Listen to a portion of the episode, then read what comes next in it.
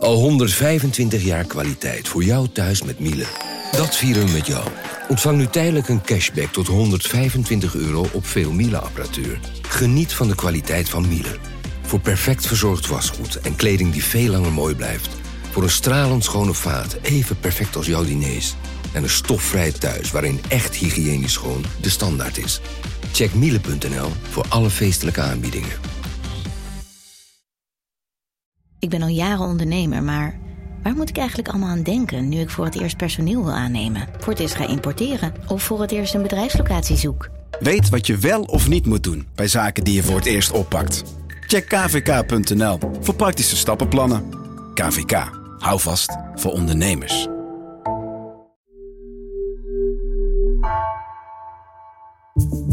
Vanaf de redactie van NRC het verhaal van vandaag. Mijn naam is Floor Boon.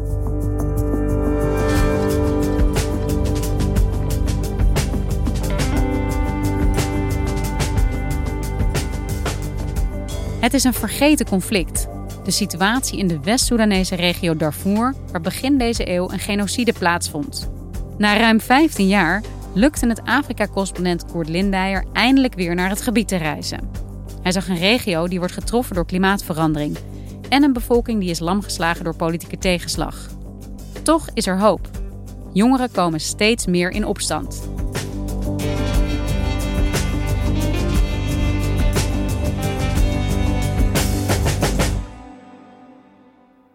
Koert, jij was in Darfur, een grote regio in het westen van Soudaan. En ja, dat is eigenlijk heel erg bijzonder. Uh, er komen ook heel weinig journalisten. Waarom was jij daar? Darfur is in chaos, totale straffeloosheid, nog erger dan elders in het land. En Soudaan heeft vanaf het begin van mijn correspondentschap, 39 jaar geleden, altijd mijn speciale aandacht uh, gehad. Het ligt op de scheidslijn tussen Zwart- en Bruin-Afrika. Daar waar frictie tussen Arabieren of gearabiseerde mensen en zwarte Afrikanen anderzijds soms leidt tot een oorlog in de woestijn, in de, in de Sahara en de Sahel. Dus Soudaan is divers en gefragmenteerd. En dat laat uh, zich het meest dramatisch zien eigenlijk in de westerse regio Darfur.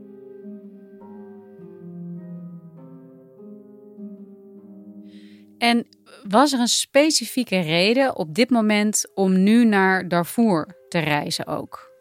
Darfur is een vergeten conflict. Er wordt nog steeds gevochten. Er zijn uh, rebellenbewegingen actief, milities actief. En nog steeds zijn er 2 miljoen Darfuri van hun akkers verdreven en vertoeven in vluchtelingenkampen. 2 miljoen op een bevolking van 7 miljoen.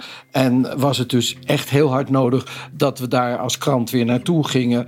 Uh, we waren er zelf 15 jaar geleden voor het laatst en daar komen nauwelijks journalisten in.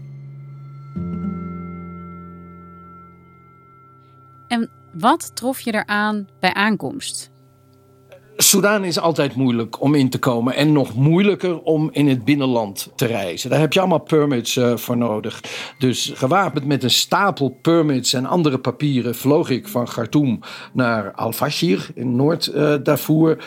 Waar ik onmiddellijk als enige Kawadja, uh, als enige blanke, apart werd genomen door de veiligheidsdienst en werd ondervraagd. En dat zou nog vele malen gebeuren tijdens mijn bezoek.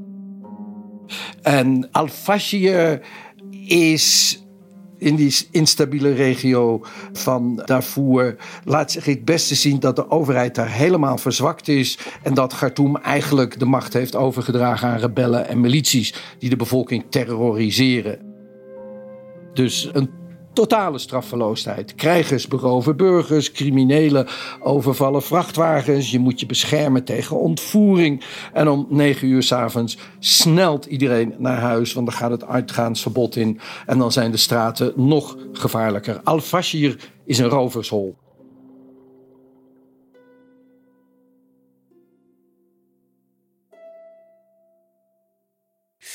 Dit klinkt als een hele spannende reis. En als ik ook kijk naar het reisadvies van de Nederlandse overheid, dan zie ik ook dat Darfur gelabeld is als rood. Dat betekent eigenlijk niet naartoe reizen. Er staat zelfs van spanningen tussen boeren en nomaden en tussen vluchtelingen, ontheemden en inwoners van Darfur.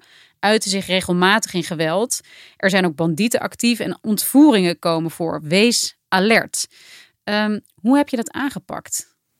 Door voorzichtig te zijn en een Arabische vertaler bij me uh, te hebben. Maar dan blijft het nog steeds heel moeilijk. Uh, op mijn terugreis naar Al-Fashir, nadat ik uh, buiten de stad was geweest, namen we ook een andere route. Omdat mijn chauffeur ten eerste bevreesd was dat de prijs voor een Kawadja, een, een witte, hoger was dan voor Darfuri. Dus je moet je constant bewust zijn van die onveiligheid en daar maatregelen tegen nemen. En Koert, dit conflict in Darfur ja, is eigenlijk al decennia aan de gang. Wat is ook alweer de achtergrond daarvan? Darfur was begin deze eeuw wekenlang wereldnieuws. Ook uh, in NRC Handelsblad stond het op de voorpagina. Het conflict tussen zwarte Darfuri en die van Arabische afkomst uh, was twintig jaar geleden geëxplodeerd in een vernietigingsoorlog. Waarbij Afrikaanse boeren doelwit waren van de Arabische militie Janjaweed. Uh, en dit alles werd gesanctioneerd door de regering van de toenmalige president Bashir. Een uh, enorme humanitaire crisis, de grootste zelfs ter wereld, wordt die genoemd. De noodtoestand in West-Soedan, in Darfur. Een Arabische militie die op grote schaal moord en Afrikaanse boeren verdrijft. De VN heeft berekend dat bijna 2 miljoen ontheemden gevoed moeten worden. Ze komen om van de honger anders. En ik heb die oorlog natuurlijk uh, verslagen. En in 2004, in juni, trok ik naar het dorpje Kailek, waar de Janjaweed uh, het dorp had verbrand. One children? Nee. Two children. Dat is een kleine opiniepeiling in een groepje van, ik denk, een 40 mensen. Ik ben twee kinderen kwijtgeraakt. Ik ben mijn broer kwijtgeraakt. Ik ben mijn vrouw kwijtgeraakt. Iedereen die hier om me heen staat, heeft een familielid verloren bij de aanval op het groepje dorpen Kailek in West-Darfur.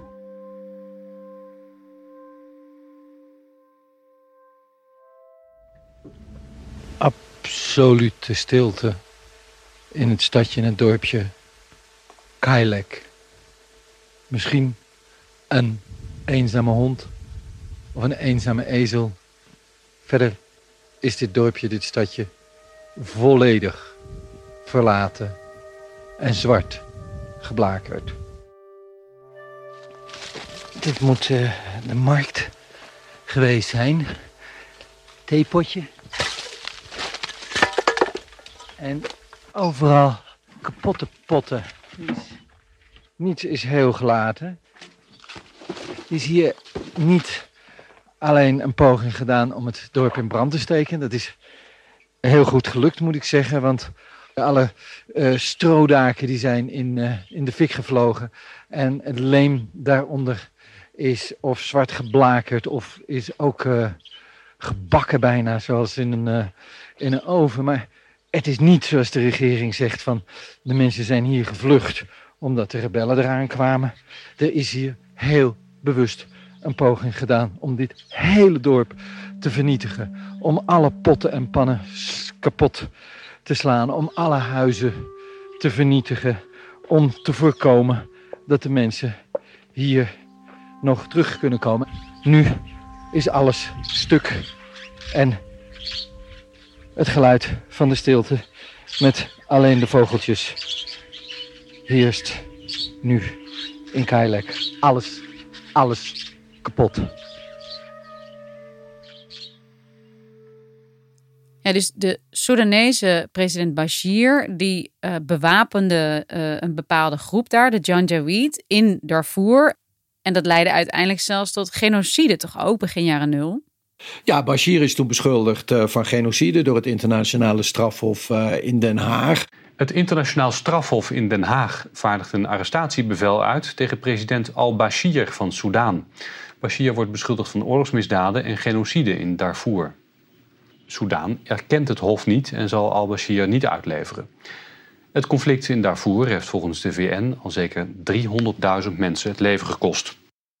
Hij was een schakel in de keten eigenlijk van de vele militaire uh, regimes die Soedan heeft gehad. In 1956 werd het onafhankelijk. En sinds die tijd hebben, hebben eigenlijk altijd de militairen de scepter uh, gezwaaid. Afgewisseld met korte periodes van burgerregimes. Bashir is het langst aan de macht geweest. Hij was het meest ideologisch met zijn conservatieve uh, uitleg van de islam en uh, de Arabische cultuur dominant uh, verklaren. Maar hij was ook de meest vrede van alle militairen. Behalve in het zuiden van uh, heeft hij in Darfur bloedbaden laten aanrichten. Die terecht zijn bestempeld, denk ik, als oorlogsmisdaden. En hij is in 2019 uh, onder druk van grootschalige burgerprotesten uiteindelijk afgezet. Hij is afgezet bij een volksopstand die werd geleid door burgers, niet zozeer door politieke partijen, maar vooral door jongeren. Uh, 70% van de bevolking van uh, Soudaan is onder de 30 jaar. Toen kwam er een kortstondig uh, hybride regime van burgers en militairen. En dat regime is dus vorig jaar oktober weer afgezet. Als vanochtend vroeg soldaten het huis van de premier omsingelen, zijn ministers arresteren, de nationale televisiezender bestormen en het vliegveld sluiten, weten veel Soedanezen genoeg. Dit is een staatsgreep. Ja, dus opnieuw heeft Soudaan een militair regime. Ook al zag het er eventjes hoopvol uit dat er in ieder geval burgers aan de macht zouden komen. Wat betekent het nu specifiek voor de regio Darfur dat er nu in Soudaan opnieuw een militair regime aan de macht is? Op het platteland van Darfur ben je ver van de wereld van kraanwater, verharde wegen, elektriciteit en internet. Burgers vroegen mij zelfs: kan je misschien een portret laten zien van Burhan, de huidige militaire president van uh, Soudaan? Dit soort beelden hebben dus het platteland zelfs geen eens bereikt. Mensen op het platteland die kampen met klimaatsverandering, verschaling van de grond, problemen die niet zijn aangepakt tijdens al die jaren van militair uh, bewind en waarvan je nu het idee hebt tot, ze, tot een explosie komen, die milieuproblemen. Ja, want wat zag jij daar in die plattelandsgebieden? Wat heb jij gezien tijdens je reis daar naartoe? Nou, als je reist in Afrika, dan verwacht je natuurlijk toch een dorpje vlak daar waar water is. Of in de grond, of waar water wordt vastgehouden. En ik kwam nu in dorpen waar gewoon geen water beschikbaar is. Mensen moeten dus heel, heel ver reizen om water uh, te halen. Ik sprak met een meisje die s ochtends twee uur naar school moet lopen. Twee uur terug. Dan is ze weer thuis. Dan moet ze weer twee uur op de ezelkar water gaan halen en dan weer terug. En in de schrale omgeving vlakbij Wadda uh, stuitte ik op een groepje burgers die met scheppen een wateropslagplaats aan het graven was als er ooit uh, weer regen komt. Het was een project van de internationale organisatie Save the Children. Uh, vroeger betaalde die organisatie met voedsel. Food for work. Tegenwoordig is er geen voedselhulp meer. En nu is het cash for work. Nu worden mensen dus met geld betaald voor hun inspanningen. You used to do food for work and now cash for work. Why? Uh, because actually there is no food uh, available with uh, WFP currently. But WSP used to have a lot of food. Why doesn't it have food anymore? currently, the, because the, the food in the area was looted. Er is geen voedsel meer in Noord-Darfur, omdat dat voedsel gestolen is. Bij een grootschalige plunderingen eind december, dus door zowel de Janjaweed, de rebellen, als het regeringsleger, werd het warenhuis van het uh, WFP, het Wereldvoedselprogramma van uh, de Verenigde Naties, geplunderd. En daarbij werd 1700 ton voedsel gestolen. En hebben mensen nu geen voedselhulp uh, meer. Terwijl een groot deel van de bevolking van Darfur nog steeds afhankelijk is van die voedselhulp. Je ziet mensen desperaat overal bassins graven om water op te vangen. Wat eigenlijk niet meer mogelijk is, want het regent uh, niet meer. Dus is geen water meer wat achterblijft in de kreken. Je ziet dat boeren hun verdorde stengels op het platteland afbranden.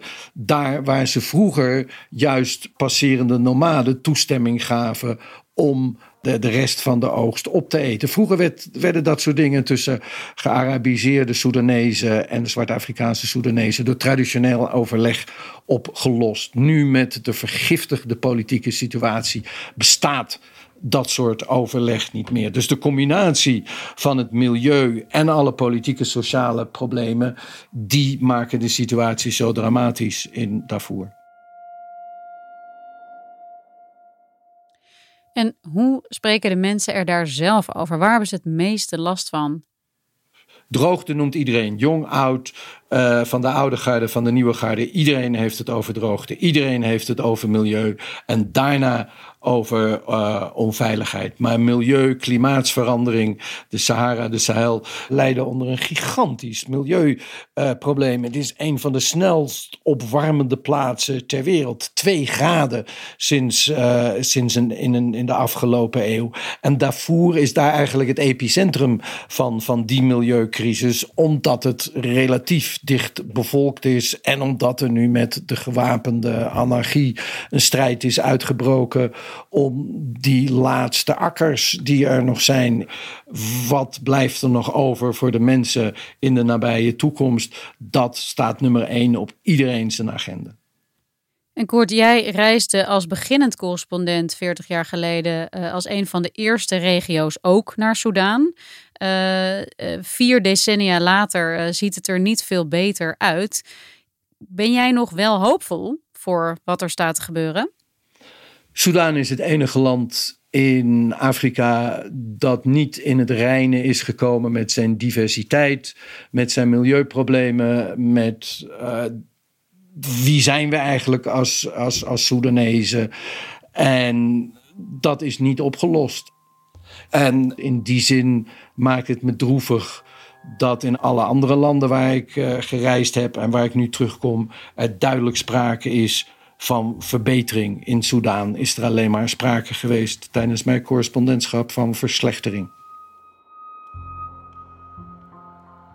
Je, je schetst eigenlijk een bijna uitzichtsloze situatie, eh, Koert. Met weinig hoopvolle politieke ontwikkelingen aan de ene kant en een land dat gebukt gaat onder klimaatverandering. Wat gaat dit betekenen voor Soudaan, denk jij, in ieder geval in de komende tijd? Er zijn in Soudaan verzetscomité's die een heel andere dynamiek aan het machtsspel hebben gegeven. Die verzetscomité's die werden al in 2013 bij de eerste opstand tegen Bashir gevormd.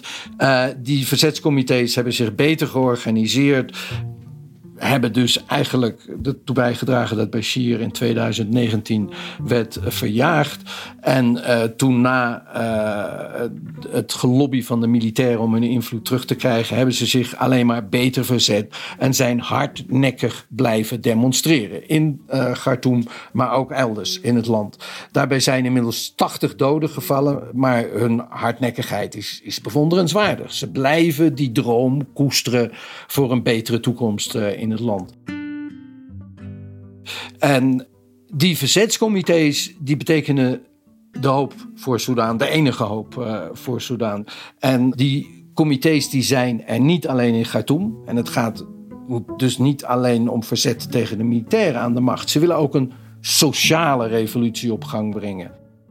In het dorpje Wada in uh, Darfur uh, ontmoette ik heel bewuste jongeren. Echt, het was heel opmerkelijk. Ze bewerkstelligden in Wadda een nieuw watercomité voor het dorp. Om dus de watertoevoer te regelen, de klimaatsverandering tegen te gaan.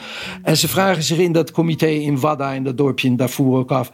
Waarom moeten vrouwen altijd water over lange afstanden halen? Waarom zijn kinderen altijd de pineut en vallen ze aan het einde van de dag flauw van vermoeidheid? Waarom worden vrouwen die hun mening geven sletten genoemd door de oudere conservatieve uh, generatie. Zij roeren zich, deze verzetscomité's, duidelijker dan ooit. Een hele nieuwe dynamiek in de machtsstrijd uh, van uh, Soudaan. Zij roeren zich naast die criminele krijgsheren en altijd kibbelende politici van de politieke partijen. Zij zijn nu de enige hoop voor het snel ineenstortende Soudaan.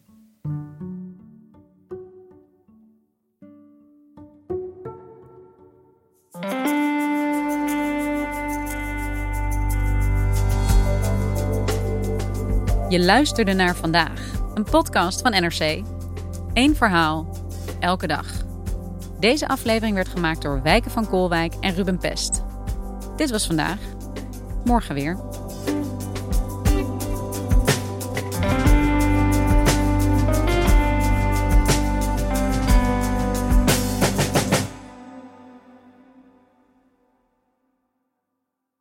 Technologie lijkt tegenwoordig het antwoord op iedere uitdaging. Bij PwC zien we dit anders.